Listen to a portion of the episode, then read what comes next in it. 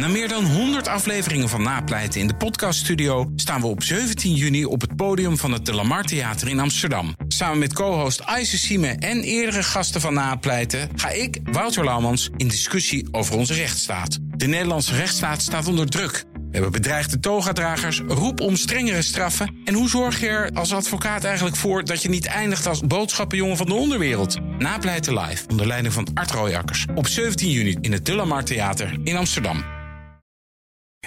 Auto-update. Autonieuws met Nout Broekhoff van de Nationale Autoshow. Nout, de Europese autosector krijgt te maken met een golf van ontslagen. Het gaat echt niet goed, hè? Nee, klopt. Eh, dat blijkt uit een eh, inventarisatie van de CLEPA. Dat is de koepelorganisatie voor Europese automotive toeleveranciers. Nou, Sigrid de Vries is een Nederlandse, die is daar de baas... en zij weet om hoeveel banen het gaat.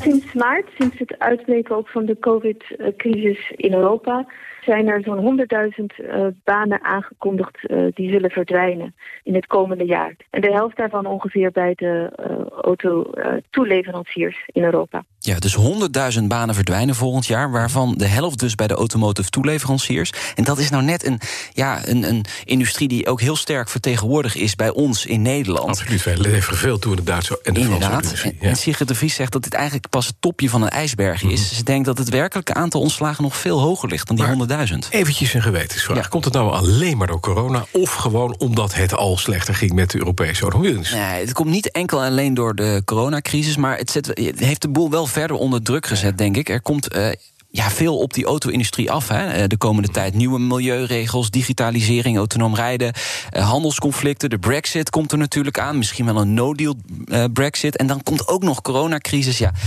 fabrieken moesten dicht. Er, dicht. Er, worden veel minder auto's verkocht natuurlijk. En daardoor moet er gehandeld worden, zegt De Vries. En wat je nu ziet is dat, er, ja, dat de druk enorm toeneemt. En dat het moeilijker wordt om die investeringen te doen.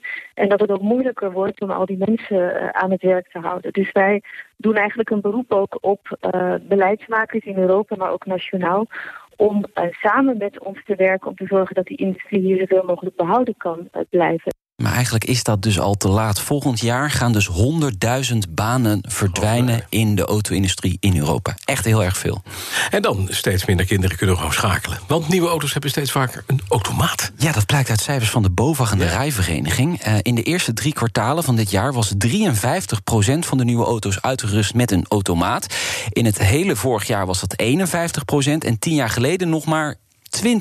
Ja, we worden Amerikanen, joh. Ja. Ja. Ja, dat schakelen, kom op. Het heeft natuurlijk wel te maken met dat we uh, meer elektrisch en hybride zijn gaan rijden. Heb je ja. maar één versnelling, dus heb je een automaat. Uh, automaat uh, is ook eigenlijk tegenwoordig vaak zuiniger, minder CO2-uitstoot, dus lagere BPM, dus een goedkopere auto ook in Nederland. Dus dat is ook logisch. Maar ja, voor sommige mensen is het toch ook wel relax, gewoon niet te hoeven schakelen. Ik vind het lekker, zo'n pook in mijn handen. Ik ook vind het heerlijk. Ja. En daarbij, als je het goed doet, dan is een geschakelde, handgeschakelde auto veel zuiniger. Ja dan een automaat. Je zegt het heel goed, als je het goed doet. Als je het goed doet. Maar er zijn, Wij niet. maar er zijn steeds minder mensen die het, kinderen kunnen ook niet meer schakelen. Die... Nee. Gaat het nou eens verdwijnen, het schakelen, denk je? Nee, dit behoort niet zo. Nee, de komende 10 jaar, 15 jaar niet. Nee. Ja, tenzij je natuurlijk op autopilot, wat helemaal niet kan. En ook niet mag in Duitsland. uh, je achter de, in de auto liggend laat vervoeren. Dat ik een ongeluk heb. Een bedroevend bericht uit Japan van de firma Toyota dan. Ik spreek van een zwarte dag. Toyota stopt met de Land Cruiser. Och. Dat zeggen bronnen tegen het Amerikaanse Motor Authority. Die was 50 jaar bij ons rijden. Ja, meer misschien zelfs ja. nog. Die Land Cruiser is echt een icoon. Ultieme SUV-terreinwagen. Oersterk. Uh, vaak wordt die ook gebruikt door NGO's. Hè, dus als het Rode Kruis, bijvoorbeeld in crisisgebieden. Conflictgebieden. Uh, nog één modeljaar, zeggen die bronnen. 2021. En dan is het klaar. Klaar met Cruiser. Maar dan doen ze absoluut een grote SUV. Die terrein aan kan, maar die gaat die anders heten. Ja, onze ex-collega uh, Roelof Hemme, die had een, ja, een Land Cruiser. Duigt uh, Land Cruiser. Ja. Ik ben meer ja. een Land Rover, want die gaat sneller kapot. Dan, ja. Volvo heeft een bijzonder patent aangevraagd. Ja, een dashboard waarbij het stuur over de hele breedte verschoven kan worden. Oh, dat is handig als je naar Engeland moet. Ja, dat is heel handig inderdaad. Schrijf van links naar rechts, naar ja, midden. Handig. is leuk ook even gewoon onder het rijden. Hoppakee. Ja, we gaan even de andere kant, kant op. Ja, precies. Nou, het, het, kan met behulp van drive-by-technologie. Mhm. Mm -hmm. Alleen vraagt iedereen zich dan af... ja, wat gebeurt er dan met de pedalen? Want je moet natuurlijk nog wel gas geven en remmen. Ja, maar dat geeft leuke gezicht in die Volvo. Dat je echt zo schuin. Zo.